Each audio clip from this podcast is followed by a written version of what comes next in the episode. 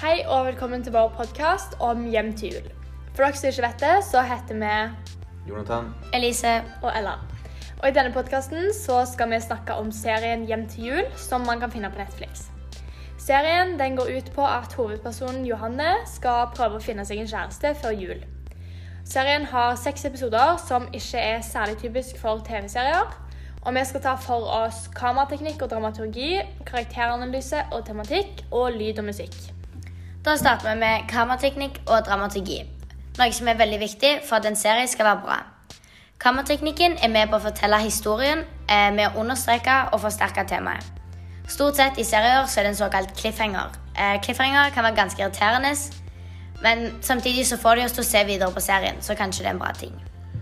Ja, spesielt i slutten av episode 6, når vi ikke får vite hvem det er som ringer på. Eh, Det gjør at vi må vente helt sesong 2 for å finne ut hvem det er. Sånn at folk vil eh, se neste sesong òg. Ja, Cliffhangeren gjør jo at vi får interesse for serien. Og det er òg den kom oppgaven komposisjonen har.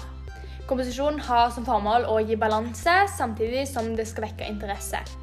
Og jeg mener at dette er godt gjennomført i serien med tanke på at det som oftest er balanserte bilder som ikke er rotete, og det gjør at det på en måte blir sånn fint å se på. da. For å få fram hva regissøren vil ha med i bildet, så bruker de bildesnitt. De tar òg hensyn til fargebruk. Denne serien her er spilt med farger, og ettersom den, at den er spilt inn med farger, så sier det at det er den moderne tid og ikke en gammeldags tid. Hva som skal være i fokus, og hva som ikke skal være i fokus, er en del av bildesnitt. Ja, for bildeutsnitt handler jo nettopp om dette med fokus og hva de vil få med. Eh, I serien så bruker de totalt, halvnært og nært bildeutsnitt jevnlig, og det er disse bildeutsnittene vi ser mest av. Nært bildeutsnitt bruker de f.eks. når Johan er lei seg fordi daten hennes ikke gikk som ønska. Eh, mye bruk av nærbilder de gir oss mer intimitet og får frem følelser. Eh, de bruker òg ultratotalt, som f.eks. på julaften, for å gi oss en oversikt over alle gjest- gjestene som er der. Ja, For det meste så brukes det normalperspektiv i klippene og da er kameraet på samme høyde som motivet. Men utenom dette så er det ikke spesielt mange andre vinklinger som er blitt tatt i bruk. Serien har ganske lange klipp med samtaler, og klippingen er for det meste sømløs. Det virker også som de fokuserer litt på lengre samtaler, sånn som når Johanne møtte Spottystein på julegaveshopping. Så det er et relativt langt klipp der de har en eh, lang samtale. Eh, dramaturgien i serien den er episodisk, fordi at hver episode har sin egen spenningskurve. Og dette er det som gjør at vi da vil se neste episode. Og spenningstoppene i episodene de vil jeg påstå er der hun går på dater. For da får vi vite mye om hva hun føler og tenker, og det blir en intens spenning fordi vi har lyst til å vite det. Eh, så går vi videre til karakteranalyse. Eh, Johanne hun er protagonisten i serien, og det er rundt hun handlingen dreier seg. Eh, hun har som mål å finne seg kjæreste og ta med seg hjem til jul. Det er her, serien kom, her serietittelen kommer fra. Eh, det er ingen personer som utnevner seg som antagonist, men vi kan kanskje oppfatte sykehussjefen som en mulig antagonist. Eh, hun tar f.eks. Johanne på fersken hver gang eh, hun bruker mobilen på jobb og sier at hun må legge den vekk. Ja, Johanne er jo en dame som virker litt ensom. Hun er en veldig hyggelig person som setter andre folk fremfor seg sjøl. Og det ser man også tydelig når hun sier at hun kan jobbe på julaften, sånn som hun har gjort alle andre julaftener. Hun tar òg med seg ulike personer hjem til seg på julaften som ikke har noen å være sammen med. Hun tar altså med seg folk hjem til jul, som tittelen sier. Og dermed er målet hennes nådd. Johanne går gjennom en utvikling når hun i slutten innser at en kjæreste ikke er det viktigste i livet, men at man heller må ta vare på de man er glad i. Johanne er mest en dynamisk karakter, eh, men ikke en veldig tydelig endring eh, i serien.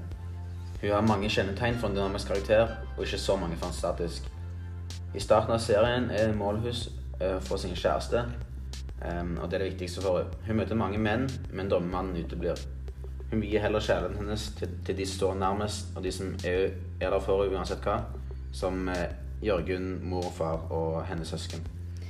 Noen viktige bipersoner i serien er bl.a. de som Jonathan nevnte, f.eks. Jørgen og familien. Og det er òg noen av pasientene på sykehuset, og Raoul, Stein og Jonas. Disse personene er jo alle med på å påvirke Johanne på mange ulike måter. Og de forskjellige bipersonene gjør at vi får se ulike sider av Johanne, og det gjør at hun blir dratt litt i forskjellige retninger.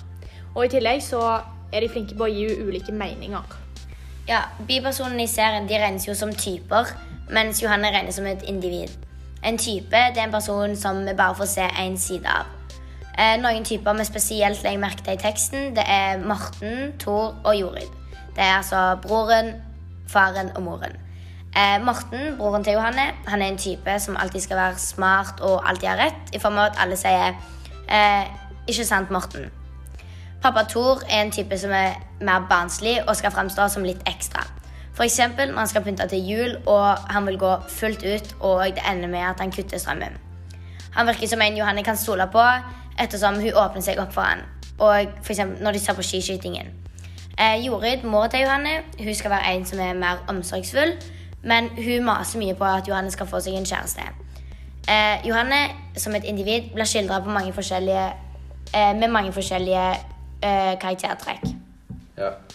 Indirekte og direkte personbeskrivelser er to ulike måter å beskrive en person på. Hvis noen beskrives be som indirekte, får vi informasjon gjennom det personen sier, tenker å gjør. Når, når en karakter skildres direkte, så kommenterer fortelleren åpent om uh, utseendet deres og tankene deres. Johanne, jeg vil si at Johanne blir beskrevet på begge måter. Vi får vite mye om uh, måten hun oppfører seg på, men òg hvordan familien hennes beskriver hun som i dette tilfellet litt ensom. Ja, jeg føler Johanne har en veldig åpen og ærlig familie, egentlig. Og de er en stor del av hvorfor hun vil ha sin kjæreste. For hun føler seg kanskje presset til å finne seg en fordi alle maser om det. Og alle andre i familien har jo mann, kone og barn. Ja, og hun er sikkert òg veldig lei av å sitte mellom de to tvillingnivåene sine bare fordi at hun ikke har, har kjæreste. Og føler kanskje at det ødelegger hele julestemningen. En annen ting som òg har mye å si for stemningen, det er jo lyden og musikken i serien. F.eks. på julaften, når de hører på julemusikk, så skaper jo det julestemning. Og dette er òg reallyd, fordi at lyden kommer fra radioen. Og dermed så spiller musikken òg en stor rolle, fordi at den setter stemningen i episodene. F.eks. eksempel når de spiller trist musikk når Johanne er på vei hjem fra Jonas etter hun har blitt dumpa.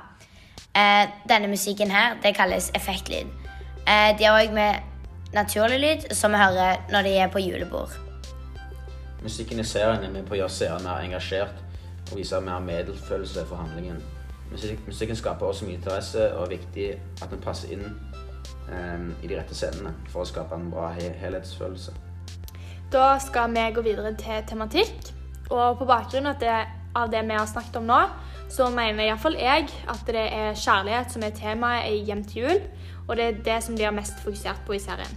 Ja, det er jeg ganske enig i. fordi det handler jo veldig mye om kjærlighet og at man skal være to. Som f.eks. når de selger alltid par på julemarkedet og selger hansker i to par og eh, pysjamaser i butikken i par.